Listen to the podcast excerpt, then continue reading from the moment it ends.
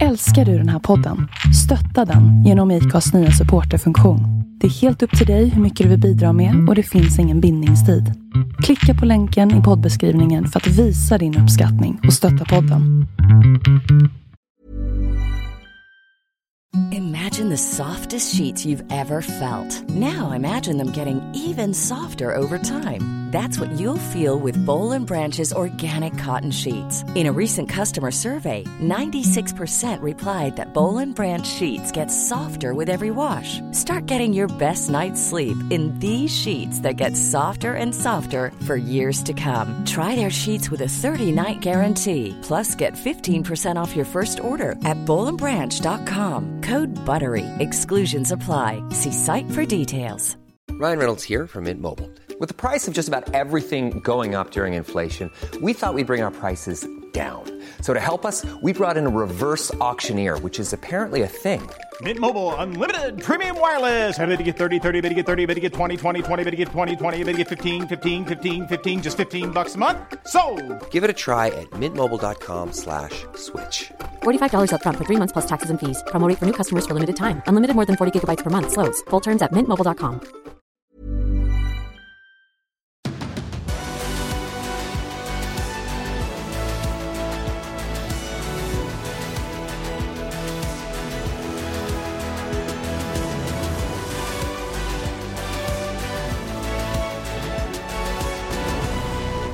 Varmt välkommen till eh, MotoGP-podd nummer 126 med mig Tobias Lajon och med Andreas Mårtensson. Och idag är vi väl eh, så långt ifrån vi har varit någonsin, eller vad säger du Andreas? Ja, jag tror faktiskt det. Jag var ju i Grekland några gånger där, men nu är jag ju på Cypern och det är ju faktiskt lite längre bort. Hur är läget på Cypern då? Det är ganska varmt faktiskt, men eh, behagligt. 30 grader, så att jag ska inte klaga. Det har varit ganska behagligt i eh, Stockholmsområdet också idag. Det har faktiskt varit lite brittsommar, över 20 grader och sol och eh, ganska skön luft faktiskt. Så det har varit bra. Ja, och eh, onsdag kväll är det när vi spelar in det här. Det är bäst att säga det ifall någonting eh, dramatiskt händer innan vi släpper podden. Ja, exakt. Det, det händer ju mycket hela tiden och det ska, bli, det ska bli mycket spännande att följa fortsättningen här på mästerskapet med, med Aragon nu då, om ett par dagar drar det igång faktiskt. Mm. Du, eh, 126 podden för oss. Det börjar plocka på med, eh, med antal inspelningar och även med de här startnumren och det är väl det som, eh, som vi får lov att inleda med. Startnummer 26 och sen eh, har ju du så påpassligt eh, introducerat dagens ämne. Track limits som var högaktuellt i helgen i eh, Superbike-VM. Eh, och sen måste vi naturligtvis snacka Aragon här, en eh, bana där Mark Marquez bland annat har varit extremt stark. Där vi kommer att se Maverick Vinales göra debut för Aprilia. Eh, däcken kommer att vara kritiska, det var det senast på Silverstone. Och eh, sen vet jag inte om du vågar på dig en tippning, eller du vågar väl, men jag vet inte om jag vågar ställa upp i en tippning mot dig här på slutet. Nej, jag vet inte riktigt om jag har lyckats så bra, men det, det är ju så extremt svårt. Ja, det är ju det. Men du brukar vara påläst och analytisk och jag kör mer Ja, på men det hjälper ju uppstuds. inte. Det, det hjälper ju absolut inte att vara påläst och analytisk. Det blir det är ju så otroligt jämnt så att det kan ju sluta hur som helst. Ja, faktiskt. Det är fortfarande intressant mästerskap med eh, i och för sig då en, en eh, god ledning för Fabio Quartararo. Och nog har han väl kopplat ett grepp om mästerskapet måste man väl säga. Ja, men det har han verkligen gjort. Det är hans mästerskap att förlora och eh, jag tror bara det kommer vara en skada som, som kommer kunna sätta stopp för hans del och den skadan borde ju i så fall för de andra komma ganska snart också. För vi, vi pratade om det i förra veckans podd att eh, det är knappt så att de här sex racen som är kvar, om man går på snittet då på de andra i mästerskapet, Mir till exempel, så räcker inte snittet för att knappt gå om Quattararo med den ledningen han har nu. Så att eh, ja, det är snurr på avgjort, tyvärr. Ja, tyvärr. Men det har varit spännande race, eh, om inte annat bakom Quattararo, för det är ju han som har stuckit ut och, och tagit sig iväg de gångerna. Det har varit lite, lite mer ojämna race, men, men det är fortfarande jämnt där bakom och, och mycket att se fram emot i mästerskapet. Absolut. Absolut. Du, bara kort, vad, vad gör du under eh, dagarna här på Cypern? Vad är, vad är uppgifterna? Nej, men jag är här på jobb och eh, klättrar i vindkraftverk. Så att, eh, det är jobb på hög höjd kan man säga. Hur högt upp är du som högst? Eh, jag tror de är 105 meter, så att, eh, en bit upp. Men ja, jag har gjort det här nu ganska länge så att, eh, jag är ganska van.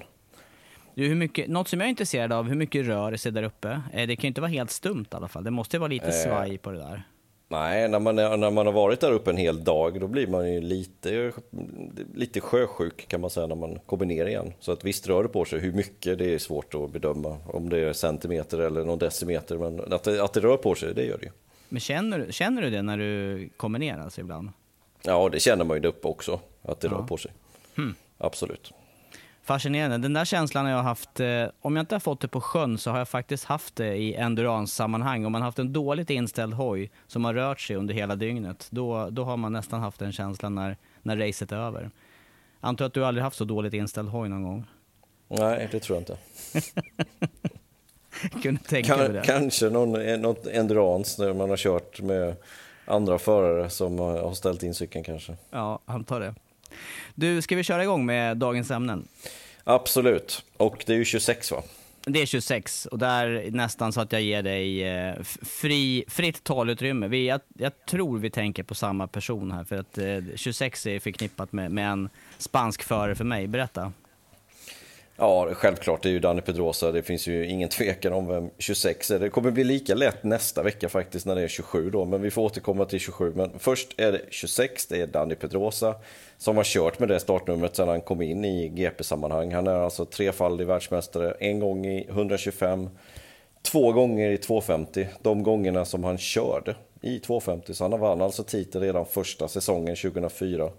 Och sen var han kvar i 250 2005 och vann då också innan han då 2006 tog klivet upp till eh, MotoGP-klassen. Där han blev kvar hela vägen till 2018 i Repsol Honda. Ja, men visst var det så med, med Pedrosa att båda titlarna där, i, eller förlåt, båda klasserna som han körde innan MotoGP och tog titel i då 125 och sen dubbla titlar i 250, hela vägen Honda, eller hur? Ja, exakt. Han har ju, han har ju 296 GP-starter totalt sett och 295 av dem är ju på Honda. Och den senaste då för bara några veckor sedan, eller en månad sedan, på KTM. Den sista då. Men desto mer fascinerande, vi, vi får väl eh, titta mer på hans karriär här med, med just den här sluttampen och twisten och kliva över som testförare hos KTM. Det eh, är ett rätt intressant steg tycker jag att ta efter att ha gjort hela karriären hos Honda. Ja, verkligen. Det, det, det kändes som att eh, de var tvungna att gå skilda vägar efter. Det blev inget jättebra avslut som jag kom ihåg det riktigt där med Repsol Honda. Eh, utan han, han fick gå helt enkelt efter den där säsongen och då ville han väl ha en annan utmaning och eh, signade för KTM till slut. Då. Ja, lite trassel som du säger där. Jag minns eh, trasslet med hans eh, crew chief Mike Leitner som i och för sig då gick till just KTM och är ansvarig där Eh, den där biten får inte jag riktigt ihop faktiskt. Nej, men det kan ju vara så att det, det, det skär sig på ett eller annat sätt när man jobbar på ett sätt, men sen några år senare så mognar man ju faktiskt. Det här var ju nästan tio år sedan, så att eh, det har väl hänt saker och ting på båda fronterna kan man ju gissa. Men det var det som utmärker Dani Pedrosa och hans eh, karriär. Det är klart att de här två titlarna, första och första året i 250 och sen också upprepare direkt året efter, det sticker ut. Men men totalt sett, vad tänker du på när det gäller Pedrosa? Eh, liten förare framför allt. Eh, nu vet jag inte exakt hur liten, det kommer jag inte ihåg riktigt. Men, men extremt liten förare som har fått kämpa med eh, sin vikt och ork att kunna köra den här MotoGP-cykeln. Eh, det är det första som jag tycker kännetecknar honom och hans körstil som man då har fått anpassa på grund av det. Eh, men sen även att han då inte lyckades ta den där titeln som han faktiskt har eh, tjänat ihop till, om man nu kan göra det. Blivit tvåa tre gånger, blivit trea tre gånger. Så att sex gånger har han alltså varit topp tre i mästerskapet och sen ett gäng fjärdeplatser på det. Eh, men alltså inte lyckats hela vägen fram.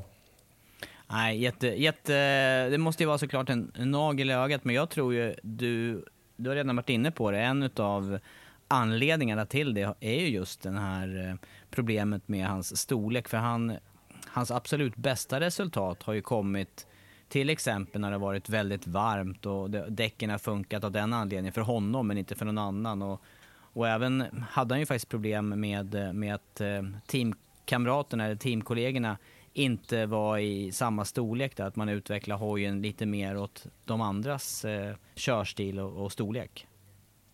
Ja, exakt. Och, och sen har han inte haft direkt dåliga, ett dåligt motstånd heller, utan han, han har ju haft till att börja med teamkamrater som har varit rätt svårslagna. Jag tänker på Casey Stoner, jag tänker på Mark Marquez.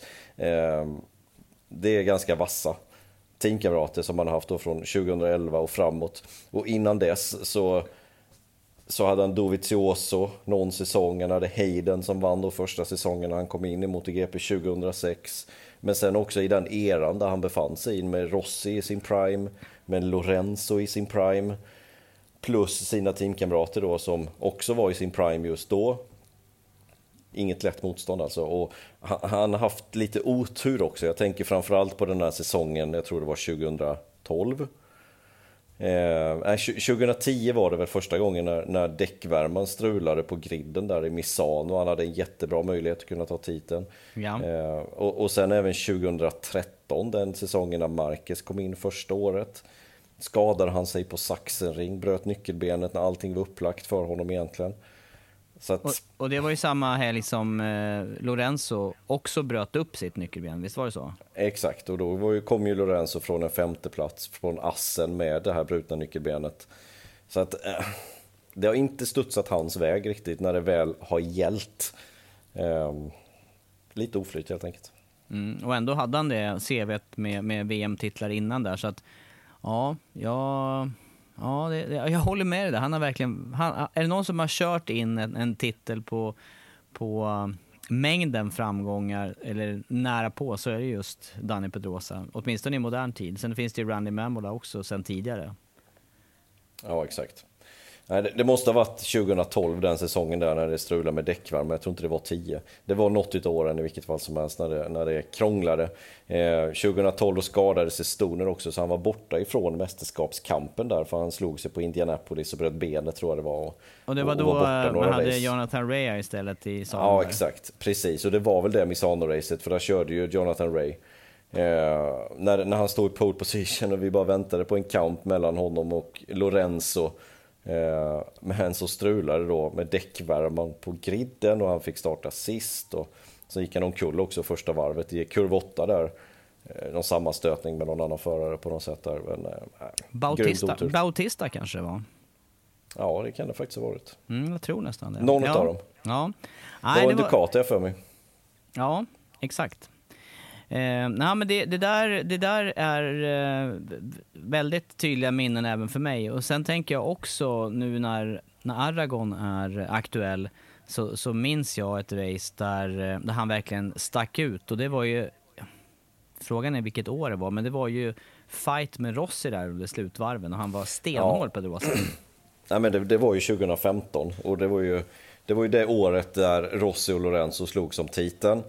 Och de här, ja nu, nu spelade inte de här fyra poängen för de slog som en andra plats här. För Lorenzo hade redan seglat iväg i täten där på Aragon. Men sen, sen slogs de om en andra plats eh, han och Rossi. Och sista varvet då så, så gör han faktiskt en, han gör en riktigt fin omkörning, Pedrosa, och tvingar Rossi att slå av helt enkelt. Och han är utanför banan och får en lucka på det. Och lyckas sen också kunna hålla andra platsen. Och där var han, där var han riktigt hård faktiskt, Pedrosa.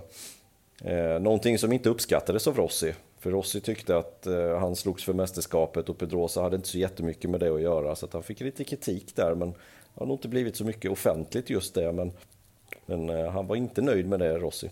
Nej, men just racemässigt så är det en av eh, de loppen som sticker ut för mig i positiv riktning för Pedrosas del. På, på slutet, eller i, moderna, i modernare tid om man säger det. Ja, absolut. Du, vad, eh, vad säger du om hans insats som eh, testförare då? Nuvarande testförare för eh, KTM? KTM går ju framåt så att det är klart att han har lyckats med någonting och den cykeln som man nu körde då, alltså nästa års prototypcykel egentligen. Det säger de själva att det är den cykeln som Pedrosa får, får, har fått vara med från grunden att utveckla. Körde till sig en tionde plats på Red Bull Ring, det var absolut klart godkänt ja, det, det, ska bli spännande att se KTM under nästa säsong, om, när den här cykeln nu presenteras, om det är ett steg extra mot vad de är idag.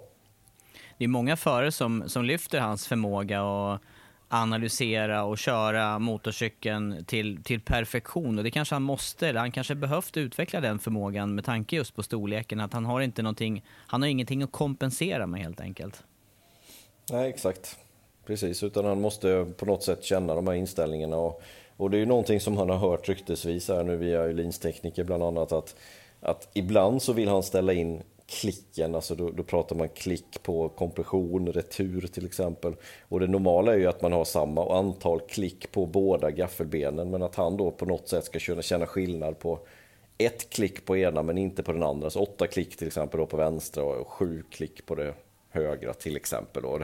Och, och det där är ju en väldigt marginal ändring. Det, gemene förare den känner ju inte skillnad på fyra klick knappt. Nej, och, och då känna om... på ett halvt, det, ja, det, det, frågan är om det är sant eller inte, jag vet inte. Men, men är det sant så är det ju otroligt. Ja, det kan ju vara en skröna, men, men eh, det, det, kan ju ligga någonting i det åtminstone, att han är väldigt känslig jämfört med andra som vi var inne på här. Absolut. Eh, hur länge tror du han eh, har motivation att fortsätta då som eh, testförare? Jag var, faktiskt, jag var faktiskt förvånad att han var med som wildcard den här eh, sommaren. Mm, nej, men det var jag också. Jag trodde inte att han skulle köra något wildcard, men nu gjorde han det. Blev 10 i racet, hade lite flyt och fick starta om racet efter att han var en av de som orsakade den flaggen. Eh, men gjorde ett bra race, hade bra fart hela helgen. Nu är det hemmabana och han har testat mycket där, men jag tycker det var en, en bra comeback, eller en bra, ett bra inhopp från hans sida. Ja, verkligen. Sen, eh. sen återstår väl att se hur länge han vill vara med i gamet, men alltså det är klart att han skulle kunna vara testförare några säsonger till. Sen får vi se om det blir någon mer wildcard eller inte. Det, det är väl tveksamt. Ja. Ja, ska vi stänga kapitlet eh, Danny Pedrosa och starta med 26? Nummer 26 ja. Och du vet vem som körde, han körde ju nummer 1 2005. Du vet vem som körde 2000, eller du vet vem som hade 26 i 250 va? När han körde med 1. I 250 GP? Ja exakt. Bra. Jag påminner om det igen här. Du har ju hintat det någon gång så att det där kommer jag aldrig glömma nu. Det är Pedrosa, det är Pedrosa slash Mårtensson. Är det inte så? Ja, exakt. Hur många Då fick race... man inte välja startnummer utan man, bara, man bara fick ett startnummer. När man var, nu var jag ersättningsförare, jag var inte wildcard, men då bara fick man, då fick man inte välja. Det var, det var Dorna som bestämde. Det var lite kul ju, var det inte det? Jo. Konstigt att de tillät det ändå. Ja, faktiskt. Det är ändå Pedrosas nummer som han körde med året innan. Nu kör han med ett då som sagt. Men, ja. vad, var det vad hade du det, ett eller två tillfällen? Ja, två race körde jag i den säsongen där. Så att, uh, Saxering med Donington. Ja. Snyggt Andreas, då har vi en koppling där också. Du har fått dra ännu en koppling till, till din egen karriär där. Det är bra. Mm. Och Danny Pedrosa. Nu släpper vi Danny. Nu går vi in på nutid va? Ja, dagens ämne. Jag tycker det var fiffigt och klokt introducerat där när vi snackade inför, uh, inför den här podden om uh, track limits. Och uh, det blev ju högaktuellt i helgen. Eh, race, Superbike-VM i franska, eller på franska Magnicour utanför eh, Nevers. Eh, Toprak Raskatlioglu och Jonathan Ray. Visst var det här avslutningsvarvet som Raskatlioglu var utanför banan lite grann? Lite grann.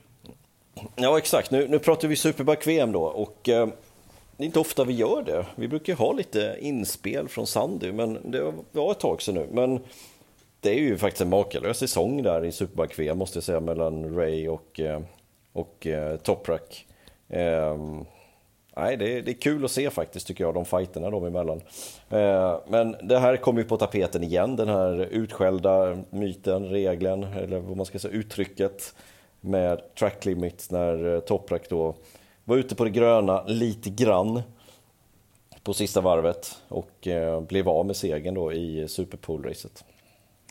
Ja, och eh, vad blir din reaktion på det här? Jag, jag, har, jag har inte sett hela det racet, men jag har sett själva överträdelsen där och det är en bana som jag känner väl efter ett antal 24 timmars lopp. Boldor gick ju där under en period som jag körde Endurance-VM, så jag har kört några tusen, ja, i alla fall jag ska inte säga några tusen, men ett par tusen var det i alla fall. Ja, nej, jag, jag, jag, såg faktiskt inte hela racet. Jag såg avslutningen på det, avslutningsvarven, fem varv kanske, någonting liknande. Och eh, nu var det Super Bowl-race, så det var inte så många varv. Men det som händer det är sista varvet, Rea, han eh, jagar Toprak in i en ganska snabb högerkurva. Och sen viker banan tillbaka lite så det är en liten vänsterknick innan en lite skarpare högerkurva. Och, och Toprak ser ut att missa lite grann i den där högersvängen och komma lite, lite, lite djupt. Vilket gör att han får gena lite grann över det gröna då. När han åker åt vänster, touchar det gröna och det är väl hur mycket kan det vara? Halva bakdäcket kanske, knappt en tredjedel, något, något, liknande. Han var över, man ser att han var över och det såg man från Reas eh, ombordkamera bland annat.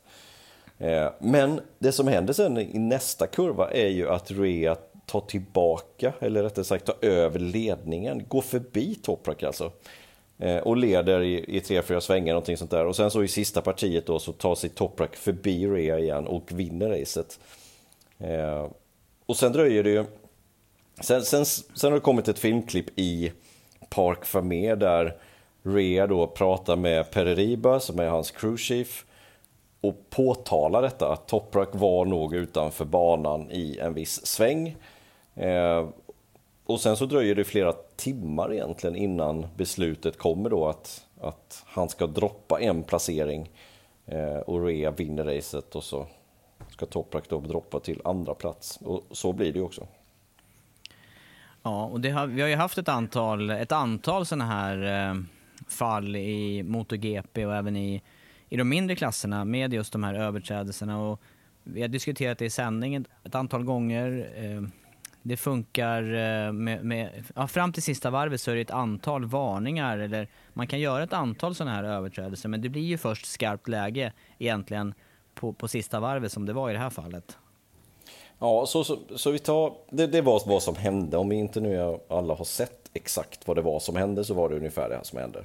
Som jag förklarade. Eh, och grejen var när han genade där så är det lite, det är gräs och sen är det grönmålat och sen kommer vita linjen. Eh, grönmålningen är kanske, vad ska vi säga, dubbla av den vita linjen. Så det är inte speciellt mycket grönt utanför vita linjen utan en liten bit är det. Eh, och där touchar han alltså det gröna. Han förlorade ingenting, alltså han vann ingenting på det. Nej, det var han, inget nej, nej, han kom övertag ju dit, på det. Nej, precis. För han kom ju dit på grund av den här missen i, i högen som du säger. Och sannolikt, banan är utformad så. Det är, det är en väldigt, väldigt långsam och lång vänster innan den här eh, högen som vi såg Toprak missa i lite grann. Så att han, sannolikt har han gjort, eh, det klippet jag såg har jag, såg jag bara utgången där, men han har ju sannolikt gjort någon miss i den här långvänstern där, fått med sig lite för mycket fart eller får styra till det där. Så att, precis som du säger, han tjänar ju exakt ingenting på att vara utanför banan på det läget. Nej, nej det gör Eller inte. på det stället. Men, men vad reglerna säger just nu då, det är att touchar du det gröna och det inte är sista varvet, då kan du göra det tre gånger, då får du en varning. Så en gång, då händer ingenting. Två gånger, andra gången, händer ingenting. Tredje gången, då får du en varning. Track limit står det då. I MotoGP eller i GP-sammanhang så får de det där på dashen. Fjärde gången hände ingenting. Femte gången så får man då en bestraffning som är oftast då en long lap penalty. Det är så som det ser ut i, eh, i MotoGP. Sker det på sista varvet så droppar man en plats bakåt om den där bakom är inom striking distance, vilket då är cirka en halv sekund. Då avgör tävlingsledningen det helt enkelt om, om det är striking distance eller inte. Men här blev det ju, det här tillfället som vi pratar om nu då, Superbike-VM. Är du, eh, tänk, tänker du att det här var en, en felaktig nedflyttning då av eh, Toprak i det här fallet? Inte som reglerna ser ut, tycker jag inte det. Utan då är det ju, de har ju följt reglerna. Och det, det, har ju blivit bespottat det här i sociala medier. De har ju fått hur mycket skit som helst. Kawasaki har fått hur mycket skit som helst. Rea har fått hur mycket skit som helst.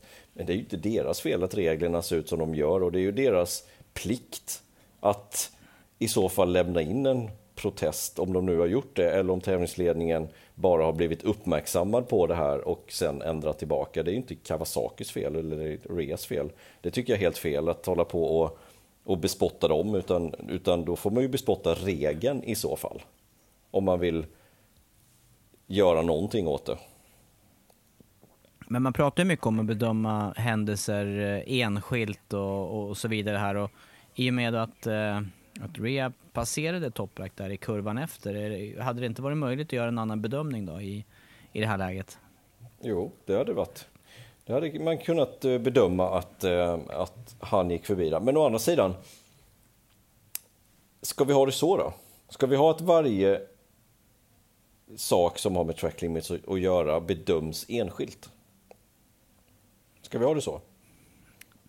Nej, och, och vi vi nej, måste ju också förklara varför vi har track limits. Varför har vi track limits? Jo, vi har, vi har track limits för att göra banan säkrare. Så säkert det bara går. Därför har vi track limits. För 20 år sedan så hade det varit vita linjer och sen hade det varit gräs eller grus. Något liknande. Vad hade då hänt om han hade gått ut i gruset istället? Vad hade hänt då? Jo, antingen så hade det inte hänt någonting. Det är bara att, att Rea hade fått ett blästrat visir och en kåpa. I bästa fall. I värsta fall så hade han kraschat på det. Det hade inte varit bra alls. För Rea låg precis bakom. Därför har man ju gjort så att man har lite marginal. Men du ska inte köra där. För att du ska se det gröna som gräs eller grus. Ja, ja. Vad jag tänker på här, jag- varför jag är tyst här under tiden. Jag, jag tänker eh, på det här med eh, eh, att, det, att det i grunden är ett eh, misstag. Han gör inte det här för att tjäna tid. Går det att tänka på ett annat sätt där? Att han har liksom i kurvan innan kommit för djupt in och ja, det är klart, han har, han har alltid ett alternativ. Han kan slå av på gasen Ja, och exakt. accelerera, Ja. accelerera i det här läget. Exakt. Det är precis det han kan göra. Han kan accelerera mindre. Eh, jag vet inte hur man ska komma, komma till rätta med problemet, om man nu tycker att det är ett problem. Jag tycker ärligt talat inte att det är ett problem. Jag blir inte så upprörd som alla andra verkar bli att någon får droppa en placering eller få en lång lap penalty på grund av track limits. Jag ser track limits som en säkerhetsfråga. Det ska vara så säkert som möjligt att köra den här sporten. Den är tillräckligt farlig som den är. Vi ska inte ha gräs precis i bankanten på vita linjen för då kommer det till slut att gå väldigt dåligt. Jag har själv kraschat på att en förare har lagt ner knät i grus och sprätt ut grus på mig som kommer två sekunder senare och kraschat på det. Inte speciellt roligt. Och, och det kan gå mycket sämre än så också. Nu gick det bra den här gången så att det kunde gått mycket, mycket sämre på andra ställen. Så jag, jag, jag håller inte med om riktigt kritiken utan jag tror att och tycker att det här får helt enkelt publik och förare vänja sig vid att hålla sig på det svarta. Gör man ett misstag ute på det gröna, det är fine. Du har ju fem gånger, eller fyra gånger på dig att göra det. Men gör du det sista varvet, då åker du på en bestraffning. Om den där bakom är tillräckligt nära. I det här fallet så skulle man kunna hävda då att ja, men han körde ju ändå om Toprak i nästa sväng och på något sätt häva det. Eller om man, om man känner i Topraks läge att han är ute på det gröna, att han då släpper, sig, släpper förbi Rea i nästa sväng för att sen kunna köra om igen. Det skulle man kunna hävda, men jag vill inte ha en bedömnings... Jag vill, jag vill ha det svart eller vitt. Det är därför man har också den här eh, sensorn nu istället. För att går du över sensorn som ligger då...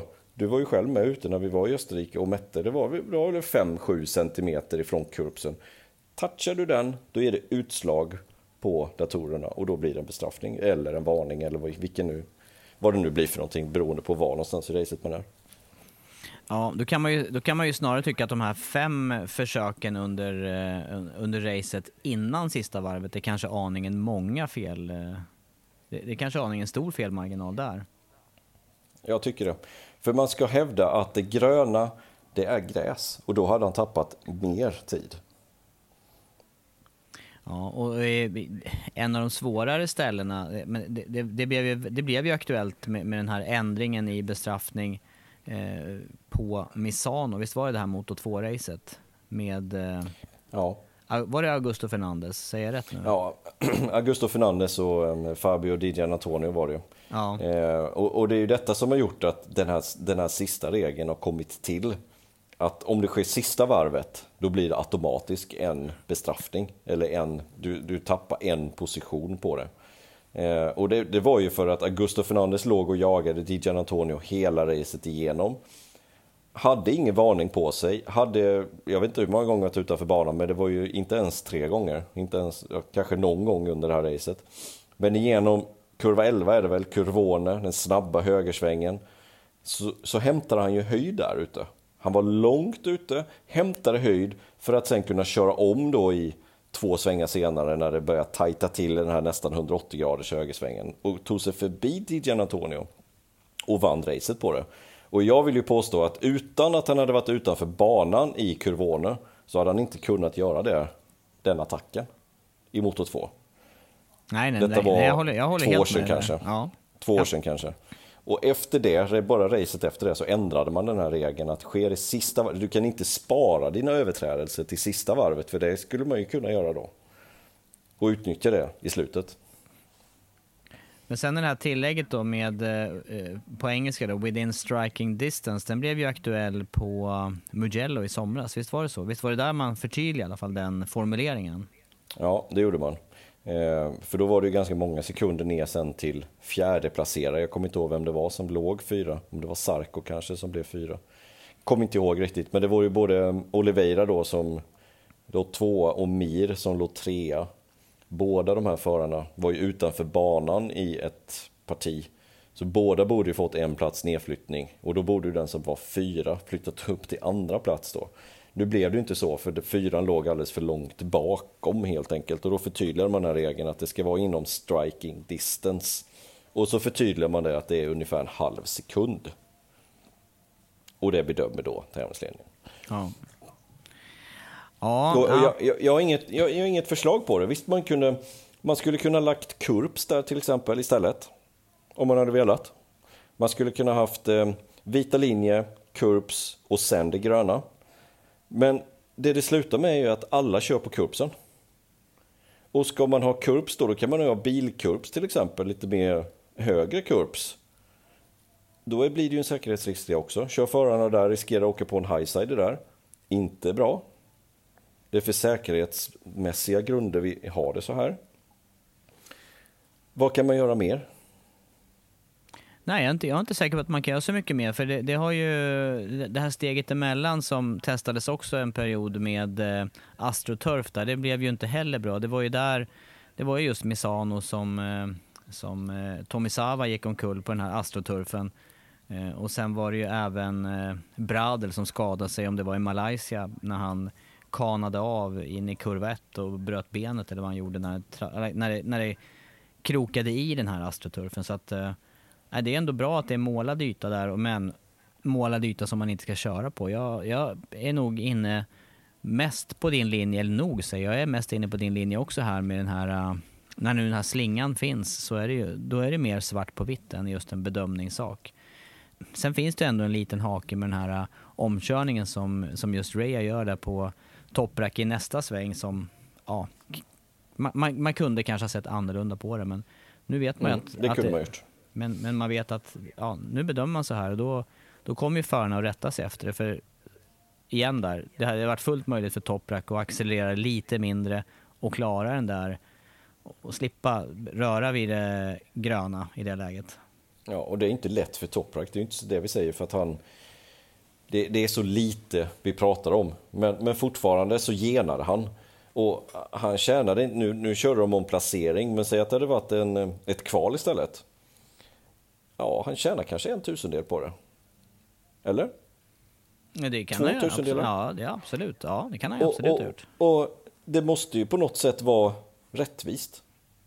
För att om man får köra på det gröna där, då kommer alla köra på det gröna där. Och då finns det ju inget, då är vi ju nära gräskanten igen. Som vi vill, vi vill eh, undvika.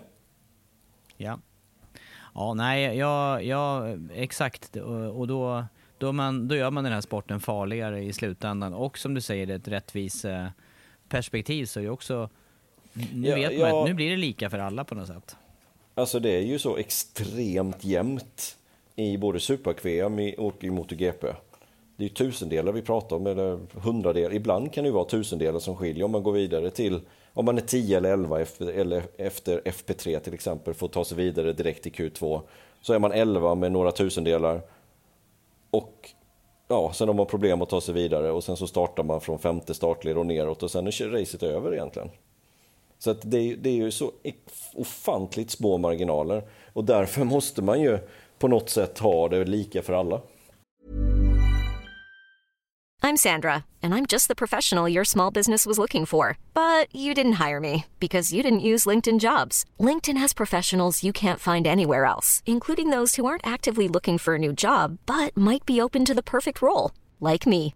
In a given month, over 70% of LinkedIn users don't visit other leading job sites. So if you're not looking on LinkedIn, you'll miss out on great candidates like Sandra. Start hiring professionals like a professional. Post your free job on linkedin.com slash achieve today. Ever catch yourself eating the same flavorless dinner 3 days in a row, dreaming of something better? Well, HelloFresh is your guilt-free dream come true, baby. It's me, Kiki Palmer. Let's wake up those taste buds with hot, juicy pecan-crusted chicken or garlic butter shrimp scampi. Mm. Hello Fresh.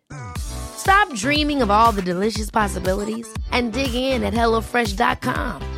Let's get this dinner party started. Hey there, it's Michelle Norris. I'm host of a podcast called Your Mama's Kitchen. When I travel, I'm usually looking for a way to find a taste of home when I'm not at home. And one of the things I love to do when I am at home is entertain. And Airbnb allows me to do that. When I was in California recently, I rented a house that had a great kitchen. And when we were sitting around the table, we're all thinking, we're in someone else's house. Someone could be in all of our homes as well. If you have a home, but you're not always at home, you have an Airbnb. Your home might be worth more than you think. Find out how much at airbnb.com slash host. Ja, nej, exakt. Och det, det, där stället är ju inte signifikant för den här typen av överträdelser, utan det finns ju andra platser just på Magnicor där man hade både tjänat mer och där det finns, eh, ja, där man oftare är över banan. Jag tänker på de här chikanerna just där Rea passerade in, det är en högfartschikan, där går det ju att gena lite grann. Det går att gena en, det finns en chikan strax före det som hände också. Eh, där är det ju mer troligt att man eh, skär lite grann för att tjäna tusendelar som du är inne på då. Men eh, rättvisemässigt så är det ju, så är det ju bra med de här eh, sensorerna i, i det gröna, det tycker jag också. Ja, i, i F1 nu. Det var, ju, det var ju F1 på spa här för någon helg sedan. Ja, var det verkligen? Det blev ju aldrig något ja, F1. Det blev, det blev inte så mycket det. blev något varv bakom någon säkerhetsbil där. För det tydligen regnade lite för mycket. Men, men det, skulle ju, det var ju lite träningar och kval i alla fall. Men det var ju lite krascher där, återigen där uppe i uh, Rouge och sen in i Radion. Upp för backen. Eh, och där pratar man ju faktiskt om att sätta dit en samfålla igen. Istället för att ha asfaltsavåkningszon för att eh, sätta dit en samfålla så kommer det på något sätt att kräva att förarna kör med lite mer marginal och inte gör som de gör nu helt enkelt och tar en chansning. Och, för det har ju hänt några ganska allvarliga mm. olyckor just i det partiet de senaste säsongerna. Antoine Hubert där i Formula 2 för två år sedan och sen var det ju någon krasch här också även i, i V-series. Eh, snurrade av när det började regna ute i ute i asfalten och, och det känns som att de just i, nu pratar vi bil här, men, men att de allvarligaste olyckorna händer utanför banan i det läget. Alltså i avåkningszonen som är av asfalt. Så, men, men där pratar man ju om att, eh, att sätta in grus istället. Ja, det är, en, det är en avvägningsfråga, för jag vet ju också att man vill ha, man vill ju eh, säkra den där banan även för motorcykelracing på VM-nivå. Jag vet att man slutade köra där på just på grund av att säkerheten var undermålig. Eh, när jag tävlade där så var det just grus och gräs på de flesta ställen och även den här kurvan då upp från Rouge var betydligt, eh, det var mer en kurva och det är klart man skärpte sig med motorcykeln när det inte fanns någon asfalt utanför. Eh, det, det gick inte att göra fel där helt enkelt. Men, men jag vet inte, motsvarande regel med bil där, hur många hjul måste man ha på banan? Räcker det med två, yttersta kanten på de ja. två? Ja, det gör det. Det räcker det, med det två. Skulle man, det skulle man kunna ändra då till att ha fyra hjul på banan till exempel. Ja, Ja, då kan man inte utnyttja kurvorna så mycket längre kanske. Men, men, men där går de ju i en annan riktning. Men det är ju en annan sak när det är bilracing. Då kan man på något sätt ha grus utanför. Eh, just i det läget där. Jag, jag, kan inte exakt varför de väljer att ha det. Men, men eh, det, det, det, var ju just på grund av att eh, de vill att förarna ska köra med lite mer marginal. Men, men i det här läget med motorcyklar så, så vill man inte ha grus precis jämte banan. Nej, det har vi sett alldeles för många exempel på hur, hur förare börjar tumla. Och det, det tycker jag man har fått bort. Eh, de, de sandfållor som ändå finns, eh, där är det ju det, det är väl avvägt med sandmängd och storlek på sanden och, och så att inte förarna ska få så mycket, att man inte ska hugga i helt enkelt. Mm. Ja, exakt. Ja, det är lite annorlunda tänkt där, bil och, eh, och MC, men eh, Ja, man får, de får väl fundera på någon annan lösning då. Om eh, det här inte mottas speciellt positivt då, att han blev tillbakaflyttad. Men jag kan köpa det på grund av att han blev omkörd sen. Det, det, det kan jag köpa, att man skulle kunnat gjort en annan bedömning. Å andra sidan så tycker jag om bedömningar som är fasta. Är du ute på det gröna, då händer detta. Punkt. Ja, men, men nu, de fortsatte ju och, och ja men som sagt, de bytte ju plats där två gånger efter, alltså varsin gång efter den här Ja, Rea gick ju förbi precis efter, eller precis efter detta. Ja, och, och sen, sen, så gick Toprak förbi igen. Ja, exakt. Och, det, det där komplicerar lite för mig. I huvudet så komplicerar det lite grann i bedömningen. Ja, det gör det för mig också. Det gör det för mig också. Eh, då får de i så fall förtydliga att om det sker någon omkörning eller något liknande. Annars så tycker jag att det är helt rätt faktiskt. Man ska mm. hålla sig på det svarta. Ja. Tidstillägg i den där sektorn, men har vi inte, pratar man inte om det när det gäller överträdelser lite tidigare i, jo. i racen? Jo, jo, det gör man. man det, detta är om man touchar det gröna. Detta kommer vara högaktuellt när vi kommer till Misano här nästa helg. Eh, för där är det ju verkligen track limit. Det är ju i vända sväng egentligen som folk och förarna kommer att överträda det. Men har man en, en, eh, en kurvkombination som till exempel första chikanen på eh, Barcelona till exempel. Höger, vänster, höger. Åker man rakt igenom där till exempel då som Quattararo gjorde. Eh, då ska man tappa minst en sekund i den sektorn. För hade det varit en samfålla där så hade han tappat extremt mycket mer. Och tappar man, mindre än, eller tappar man mindre än en sekund, då får man alltså tre sekunders tidstillägg. Ehm, och det var ju också väldigt kritiserat. Vi var inne på det i den podden efter Barcelona när vi pratade om hans skinster och allt vad det var för någonting. Men det är ju just för att det ska ju se, den asfaltsavåkningszonen ska ses som en samfålla.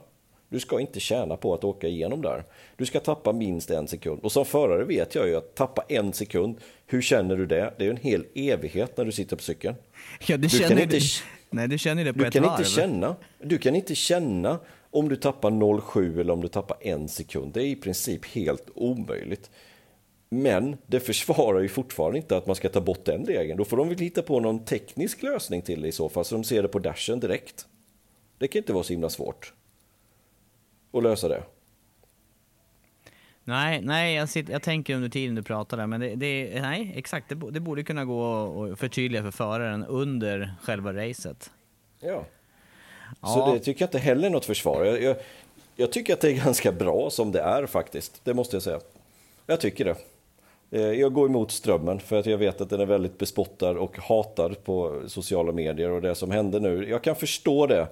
Och det enda som jag kan förstå det med, det är att att han blev omkörd i, i svängen efter. Det är det jag kan köpa. Att han inte tjänade på det, det lägger jag inte någon vikt vid överhuvudtaget, för du ska hålla dig på det svarta.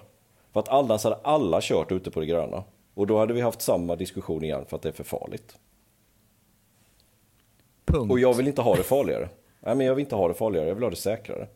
Ja, den är jag absolut med på. Det, det, är, det är ju grund grundförutsättningen eller grundorsaken till att den här regeln finns överhuvudtaget. Jag har en sak till att säga om det här. Orkar du lyssna? Ja, jag fick, en, jag fick någonting i halsen här. Ja, och det var inte för att jag ville att du skulle sluta här. Jag orkar. Nej, men, men Paul Denning, som är då jag tror han är Team Director, tror jag hans eh, rätta titel är, hos Yamaha. Gick då ut på Twitter sen eh, och så skrev han så här. This penalty follows a formal protest by the Kawasaki Racing Team. We assume after forensic study of the onboard footage.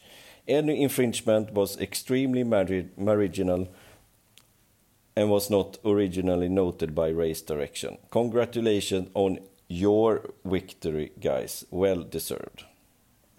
Sånt där är ju inte bra i sammanhanget.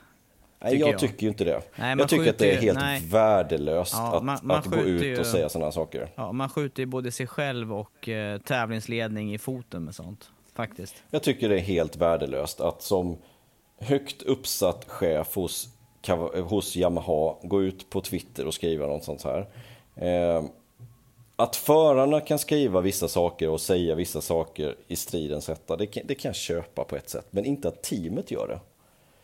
Och, och, det var inte länge sedan vi såg något liknande här i Formel 1. Nu drar vi de parallellerna igen med, med eh, Hamilton och Verstappen i, på Silverstone efter den där incidenten. Då var det Red Bull som var helt vansinniga och tog till, tog till Twitter och skrev en massa jävla skräp. Och hetskade upp, hetsade stämningen så att Hamilton då bland annat fick ta emot rasistiska påhopp och sen bara fortsatte det på sociala medier. Och helt enkelt hetsa alla andra. Och detta tycker jag precis likadant. Det är så onödigt. Där är jag helt enig med dig. Vi stänger det ämnet med det. Så gör vi. Nu tar vi något mer positivt. vi tar något mer positivt. Ska vi inte, ska, vi ska vi inte gå in på Vinales? Vi måste Vinales har vi inte, inte hunnit med än. Vinales. Vi måste hinna med något annat i den här podden också. ja, Vinales måste ju vara med. Det, det lilla han tjänade eventuellt på den här överträdelsen, Toprak, det har tagit nu snudd på en hel podd att behandla. Men eh, jag, eh, jag följer dig i tankarna och är, eh, ja, jag, jag, är, skulle jag säga, överens. Det som sagt En, en annan sak då, får jag säga en sak till bara? Kommer du på en grej till? Ja, ja jag kommer till. Att, att, att, att de tar till Twitter och skriver sådana saker och gör en hetsk stämning av det på bland annat sociala medier det är ju bra för själva serien också. Att jag tycker det, blir det är dåligt. Drag, att det blir lite intresse. Ja, exakt. Ja. ja. men exakt. Alltså, det som hände på Silverstone och det som händer nu, det, det höjer både Formel 1 och Super-QM. Och Så det behöver det. de i Super-QM, det behöver höjas. Ja, men eh, det, det, är inte bra för själva, för, för, för själva det sportsliga, det kan jag inte tycka. Nej, jag tycker inte det heller. Och det, det, var ju samma sak med, med Rossi där 2015. Det blev ju också en alldeles för hetsk stämning, vilket ja, det ökade på intresset, men jag tycker inte det var bra i vilket fall. Nej, precis. Nej, men det, nej, nej. det är ungefär som att filma och, och, inte få med sig ett domslut och klaga på domaren sen eller liknande. Jag vet inte vad man ska jämföra med. Men det, det är inte bra i alla fall. Nej. Åter till Vinales. Vinales, det är dags för honom att göra debut. Vi går över till, eh, vi går över till nästa programpunkt då, med Aragon som är bara två dagar bort. Och eh, presskonferens redan imorgon. Eh, förväntar mig att se Vinales på presskonferensen. Och, och det här att byta märke mitt under brinnande säsong, det är ju extremt ovanligt och sätter samtidigt lite press på honom inför den här helgen. Gör det det?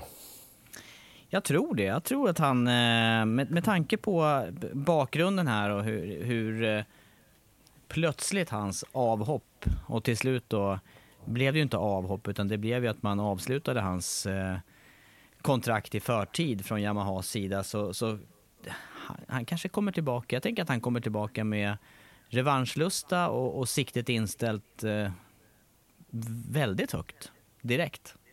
Mm. Ja, det gick ju bra på testet, det behandlade vi ju förra veckan. Och ja. eh, Aprilien har ju gått bra på den här banan historiskt sett. Ja, det har han ju. Eh, med eh, sjätteplatser som bäst då för Alicia Spargero. Så eh, jag skulle säga att han har allt att vinna faktiskt på detta. När var det senast en förare tog två segrar på två olika märken under samma säsong? Då pratar vi 70-talet eller något liknande. Ja, ja, det är inte modern tid. Det är till och med före, det är till och med före min tid. Så att eh, 70-tal måste det vara, som, som tidigast. Tänk vad fränt då om man skulle gå in och göra ett kanonresultat här nu. Komma på pallen. Ja, absolut. Jag, jag skulle verkligen unna honom det och jag skulle tycka att det var eh, enbart positivt om det blir så. Jag är, jag är dock rädd för att det är för, eh, att, att det blir en sån, jag ska säga, positiv press som, som gör att han kanske inte nöjer sig med den hastighet och den, eh, den ringa erfarenhet han har med den cykeln. Men jag vet inte. Att den kraschar då menar du? Ja, exakt. Ja, kanske. Nej, det ska bli intressant att se tycker jag. Jätteintressant. Nu har vi bara fått reda på tiderna där. 32,4 som sagt jämfört med 31 blank då som är hans polrekord på Misano. Så det ska bli jätteintressant att följa när de är på banan samtidigt allihopa när det blir samma villkor. Ehm, jag tror att han kommer överraska lite i positiv bemärkelse. Pallen, det, det, det tror jag inte, men, men ehm, jag tror han kommer överraska positivt. Det tror jag. Matcha Aleix Espargaro kanske? Ja, inte vara långt ifrån i alla fall, det tror jag inte. Sen ska han handskas med däcken på ett annat sätt och sådär och, och lära sig det i racet och så, men mm, topp 10 det tror jag. Mm. Ja, det låter inte orimligt. Uh, ja, det, ska vi säga mer om Vinales? Vi har ju gett honom ganska mycket tid i övriga poddar. Ja, det räcker. Det räcker. Ja. Vi, uh, vi, vi ser vad som händer här på banan under helgen helt enkelt. Men, Men, han ska köra i vilket fall som helst för Aprilia. Och eh, Dixon ska fortsätta köra hos Yamaha. Det kan vi väl börja med att säga också. Ja, och vad betyder det då i eh, fabriksteamet, Yamahas fabriksteam? Vad händer där? Där händer ingenting, utan Crutchlow är kvar där. Crutchlow och eh, Quattararo. När kommer det stora skiftet då? När blir det, när blir det förändring i den föruppställningen på Yamahas sida?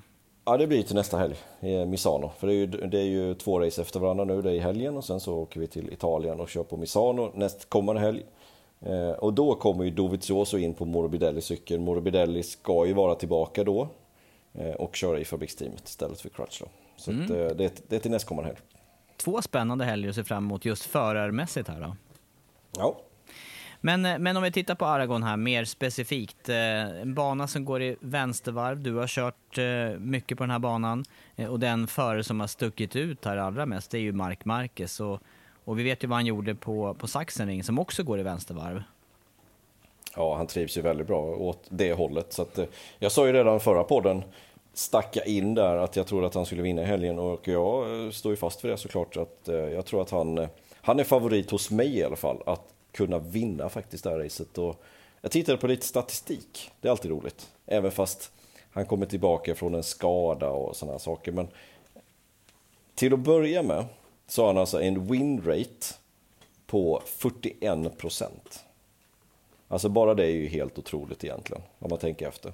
Han har alltså vunnit 57 av 138 race han har kört är helt otroligt. Ja, och det här är, nu är det totalt, det är hans alla eh, race i, eh, är det MotoGP vi pratar nu? Ja, det är MotoGP. Ja. Eh, när de går åt höger, banorna, då har han vunnit 29 av 98 race. Det är ungefär 30 procent. När vi pratar vänstervarv så har han vunnit 28 av 40 race, vilket är då 70 procent. Också imponerande. Det är alltså av 40 race åt vänster så har han vunnit 28 av dem. Eh, om vi tar Aragon så har han vunnit 5 av 7 gånger. Och de två gångerna han inte vann, det var 2014. Då kraschade han, jag vet inte om du kommer ihåg det racet. Men han kraschade med två och ett halvt varv kvar ungefär. När det började regna och han fortsatte med slicks. Alla andra gick in och bytte.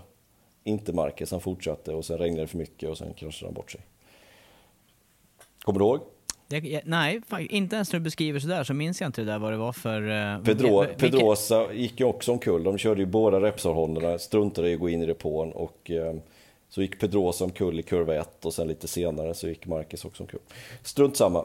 Eh, 2015 så kraschade han också, då gjorde han det på inledningsvarvet, eller om det var andra varvet, något utav det var det eh, han kraschade. Så av sju race har han vunnit fem och kraschat två. Det är ganska bra. Det är svårt att sätta emot honom, det, det kan man ju säga. Det, och det där har ju vi sett även på, ja, den här statistiken talar för sig själv, men eh, Sachsenring som vi nämnde här, obesegrad och vid Circuit of the Americas hade ju lika gärna kunnat varit obesegrad där om man inte hade gått omkull med det här motorbromsproblemet. Eh, ja. Han, han vann ju för övrigt eh, eh, på de övriga amerikanska banorna också som gick i vänstervarv där, Laguna Seca och på Indianapolis. Indianapolis, ja. Exakt. Ja, han vann ju alla racen som gick där på de två banorna också. Så det är någonting. Hade du själv förresten, om man, om man bara gör en liten avstickare här, hade du själv favorithåll att svänga åt, höger eller vänster? Ja, vän, vänster. Vänster också. Du hade också vänster? För, ja, det är samma sak när jag kör bil nu faktiskt och det är halt ute. Så kör jag hellre åt vänster än åt höger. Jag känner mig säkrare i vänstersvängar. Än ja, ja, man, sitter, man, sitter ju hellre, man sitter ju hellre på insidan. Ja, men det är samma sak nu. Jag, jag, jag tänkte på det senast idag faktiskt. Och nu är jag på Cypern ju som sagt, som vi sa, där, här är det ju faktiskt vänstertrafik. Så här sitter ju ratten på fel sida, men jag känner mig fortfarande säkrare att svänga åt vänster än åt höger. Men jag tror att vi är någonting på spåren här. Jag har för mig, kanske vi har snackat om det du och jag, eller så har jag pratat om det med någon annan, men just de här eh, banorna, de här riktigt gamla banorna och framförallt då många banor i eh, länder med, eh, nu ska vi se, som är, som är gjorda för bil från början. De, de, där byggde man just banor åt, ja vi ska se här, brittisktalande, vänstertrafik då, banor åt höger generellt. och, och och högertrafik. Eller, man, ville, man ville ha i alla fall föraren så långt ifrån eh, avåknings, ja, från räckena som möjligt. Så någonting ligger det väl i det där att, eh, ja, att det finns olika antal eller andel banor åt vänster eller åt höger i olika världsdelar, olika länder med vänster eller högertrafik. Jag har i alla fall hört det här någonstans. Jag får väl som vanligt lämna en liten passus och se om det, om det stämmer. Men det, jag, hade, jag hade också i grunden, eh, när jag var liten, hade jag också eh, vänster som favorithåll. Sen fick jag ju min eh, höftledssjukdom där på vänster sida. Då blev det automatiskt mycket mer problem åt vänster, för jag hade mycket mindre rörlighet där. Men annars så gillade jag också mer åt vänster. Och eh, ja, jag vet inte om jag tyckte att... Jag, jag, jag kan inte förklara det. Det, det. det blev nog bara så naturligt. Det är väl ungefär som att man i höjdhopp eller vad man, vad man nu väljer för fot att hoppa upp på. Det, det, liksom, det, det faller sig naturligt. Man börjar med någonting och sen fortsätter man med det. Jag hörde faktiskt en intervju här med Rossi, väldigt sevärd intervju som BT Sports gjorde eh, sen, efter, senaste racet tror jag det var, Silverstone. Eh, om hans karriär och, och, så vidare. Han fick gissa, det var en förare som han inte hade slagit någon gång i GP-sammanhang. Och fick han gissa vem det var och, ja, och sådär. Gerloff var det för övrigt. Men eh, då sa han just det och avslöjade en liten hemlighet som han själv sa att han kan både skriva med höger och vänster hand. Att han har inget direkt favorithåll. Och sa att det var en utav hans hemligheter för att vara så snabb som han är. Att han inte har någon... Eh, han favoriserar inget håll helt enkelt. Det låter ju väldigt, ja, det låter ju väldigt intressant tycker jag. Vad roligt. Mm. Den ska du se. Den finns faktiskt till och med på Youtube. Den. Och jag får upp en annan bild när du berättar den här. Det ska, jag ska, den ska jag lyssna på som du säger. Men jag, ska, jag blir även påminn om den här eh, Yamaha-reklamen. När de frågar hur, eh, hur, folk, hur förare gör för att lära sig banor snabbt. Har du sett den? Nej. Nej, jag tror att den är just där kring eh, om den är kring eh, Ben Spies. Men Edwards alltså? Ja, Edwards eller Ben Spies. Jag tror att de är inblandade där, flera amerikanska förare. Och, och de, eh, de eh, försöker att visualisera banan och rita upp någon slags, någon slags figur. Då, då. Och sen, eh, sen går de över till, avslutar i alla fall med Rossi där och han har alltid eh, han har alltid ett, ett djur som symboliserar varje bana då för att för att snabbt memorera. Så att, eh, ja, något, något sånt där. Jag, jag, jag märker att jag inte är så bra på att återberätta den här, men vi får, vi får söka upp den och kolla på den allihopa. Kanske komma tillbaka till den. Då. Men, men det, det ligger någonting i det här med i alla fall den naturliga fallenheten. Både att, att memorera banor och känna... Det är ju väldigt mycket... Visst, vi pratar mycket om data och sånt där och, mer och mer, men, men det är väldigt mycket känsla också hos föraren som, eh, som ja. vi kommer tillbaka till i motorcykelracing. Och speciellt på den här banan där det är så många inbromsningar under nedlägg. Eh, och nu pratar vi om Marcus här, han har ju faktiskt en kurva upp, eh, eller döpt efter sig också. Kurva 10 är det ju en eh, ganska snabb vänsterkurva och sen så kommer vi ner till en av dem som jag tycker åtminstone är den svåraste kanske den svåraste på hela GP-kalendern faktiskt nu när Motegi också är ur kalendern så att säga. Det är en ganska svår inbromsning också i nedförsbacke. Men, men just, jag tror det är kurva 11. Möjligtvis kurva 12 på Aragon. Ja, det kan ha varit kurva 12 också. Men, men efter den här långa, långa vänsterkurvan, nedförsbacke, blint ingången, hård inbromsning eh, i nedförsbacke. Det, det, det är jätte, jätte, jättesvår inbromsning där. Det var den kurvan som, som, som eh, Marcus klippte av Pedrosas eh, sensorkabel till traction-kontrollen en gång, om du minns. Den minns jag väl. Men, men det, det, det, här är ju kanske någonting som gör att Marcus eh, just sticker ut på en sån här bana. Att han har den här förmågan med att känna gränsen för däcken och känna eh, vad han kan göra under inbromsningar. Och det är, som du nämner här, några riktigt svåra inbromsningar just på det här varvet. Ja, det är ju det. Och där tror jag han kommer ha fördel. Det är svår inbromsning åt vänster och uh, han har bra känsla för framhjulet. Så att, um, då kommer vi genast in på en annan sak med Michelin-däcken. Ja, hur ser, ut med dem här... till hur ser det ut med dem till helgen då? Det är symmetriska framdäck den här helgen. Vilket är intressant. Um, jag skulle inte säga att det gynnar någon, men det missgynnar heller inte någon.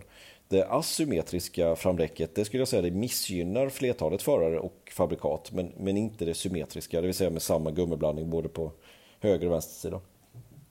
Men däremot så är det asymmetriska bakdäck då, eh, i och med att det är fler tuffa vänsterkurvor.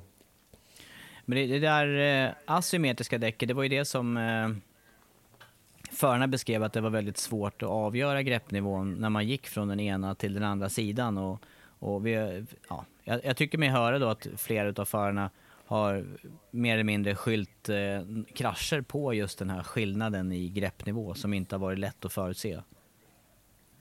Exakt. Men, eh, men eh, det här med eh, de däckproblem som vi såg på Silverstone då med där vissa förare hade problem med bakdäck, några få med framdäck. Hänger det ihop någonting också med de här konstruktionerna med asymmetriska däck fram? Ja, bra fråga. Jag vet inte. Eh, det ska bli intressant att höra presskonferenserna imorgon. Eh, den här podden släpps ju torsdag, så att idag då helt enkelt. Eh, vad de kommer säga, för de kommer definitivt få mycket frågor om, om däcken, varför de inte höll ordentligt på Silverstone och vad det var egentligen som hände där. Så vi ser hur frispråkiga förarna och teamen är egentligen. Vi vet ju att när det gäller däcken så, och Michelin så vill ju alla tysta ner det så mycket det går egentligen. Se om det är någonting som rinner igenom. Mm. Ja, det låter i alla fall bra tycker jag med eh, jämnare, eller ett däck som är eh, jämnare och ger bättre feedback eh, åt alla förare och än viktigare blir det ju efter resultatet senast på Silverstone när vi hade sex fabrikat i topp sex. Det måste ju, det måste ju gynna den här jämnheten om man har däck som, som du är inne på, som inte missgynnar något fabrikat. För det är ju oftare fabrikaten då än förarna i det här fallet. Ja, exakt. Ja, du, eh, är vi framme vid tippning för eh, helgen? Absolut, absolut.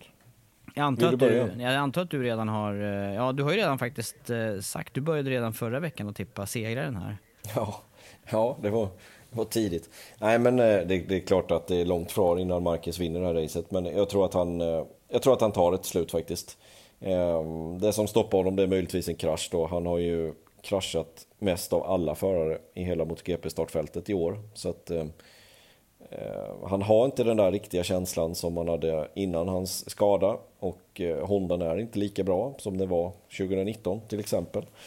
Men jag tror ändå att han vinner. Eh, tittar man på vad Honda gjorde på den här banan förra året så ena racet då, eh, då var det Alex Marquez som var väldigt, väldigt nära segern.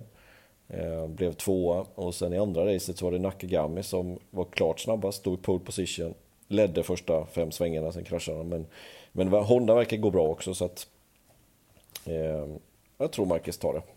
Jag sätter honom som etta. Eh, och sen sätter jag, eh, ja det, det, det, är svårt att bortse från Quattararo, det, det går inte över fast jag läste precis här att han han inte tyckte om den här banan eh, och sa att detta är hans sämsta på hela kalendern så har han varit så pass överlägsen den här säsongen så jag tror ändå att han mäktar med en pallplats och jag sätter honom som tvåa faktiskt.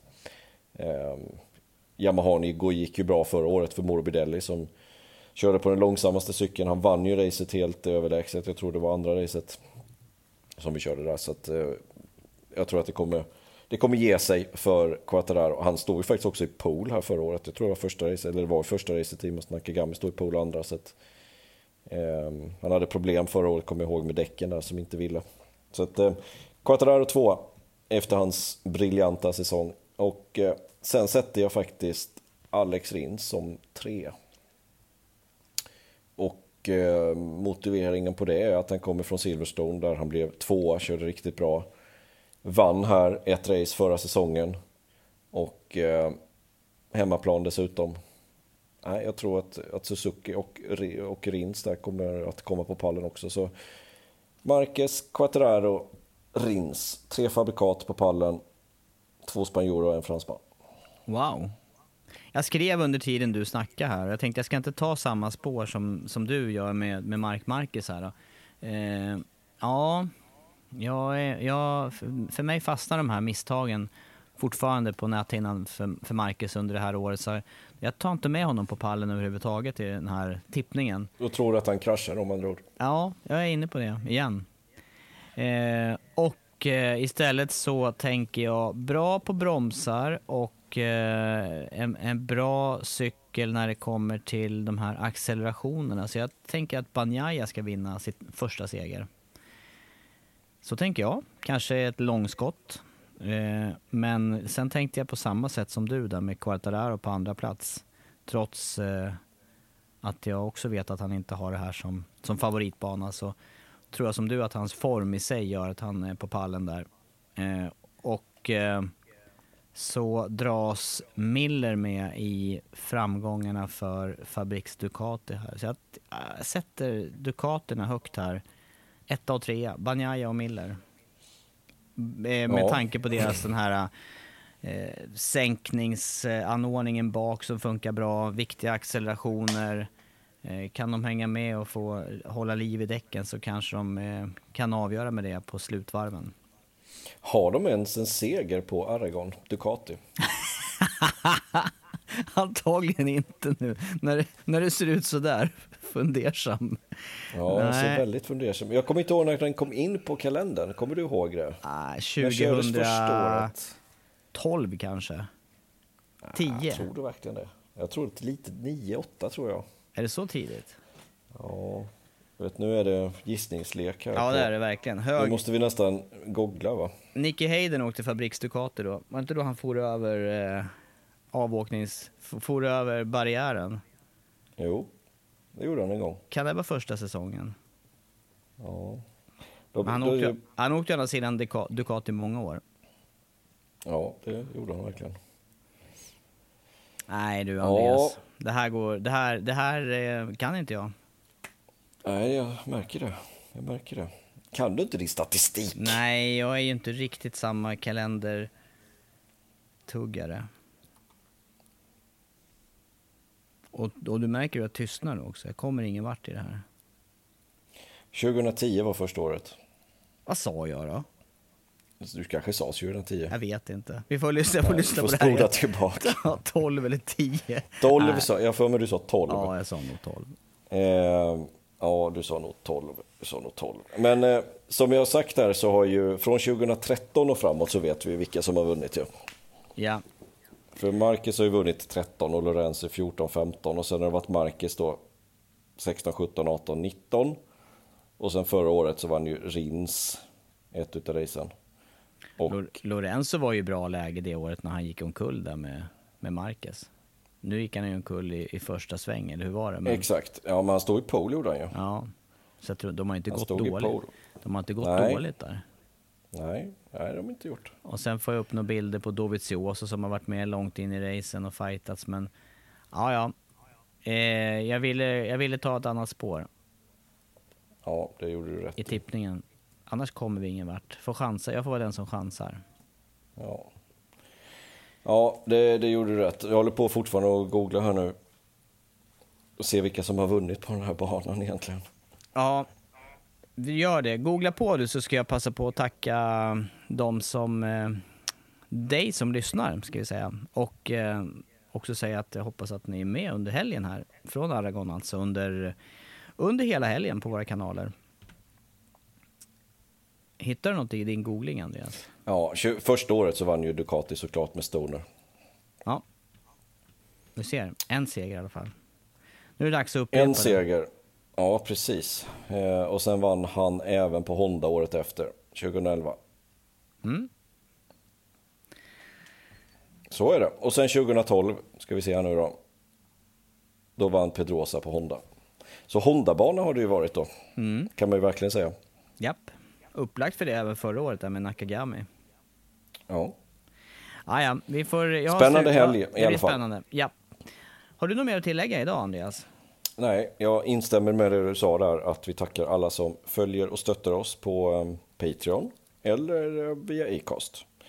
Och att vi eh, är tillbaka i rutan här till helgen på V-sport 1 och det är vanliga Europatider som gäller. Så att 9.45 första träningen och raceuppsnack 13.25, racestart 14.00 på söndag. Tack för den här gången.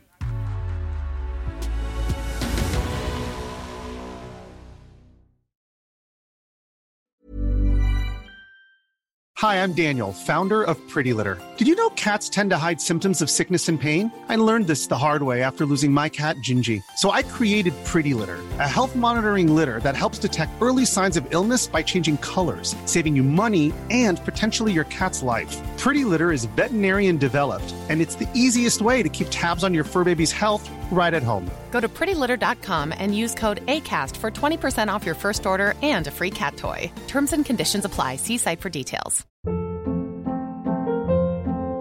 Hold up. What was that? Boring. No flavor. That was as bad as those leftovers you ate all week. Kiki Palmer here, and it's time to say hello to something fresh and guilt-free. Hello Fresh. Jazz up dinner with pecan-crusted chicken or garlic butter shrimp scampi. Now that's music to my mouth. Hello Fresh. Let's get this dinner party started. Discover all the delicious possibilities at hellofresh.com.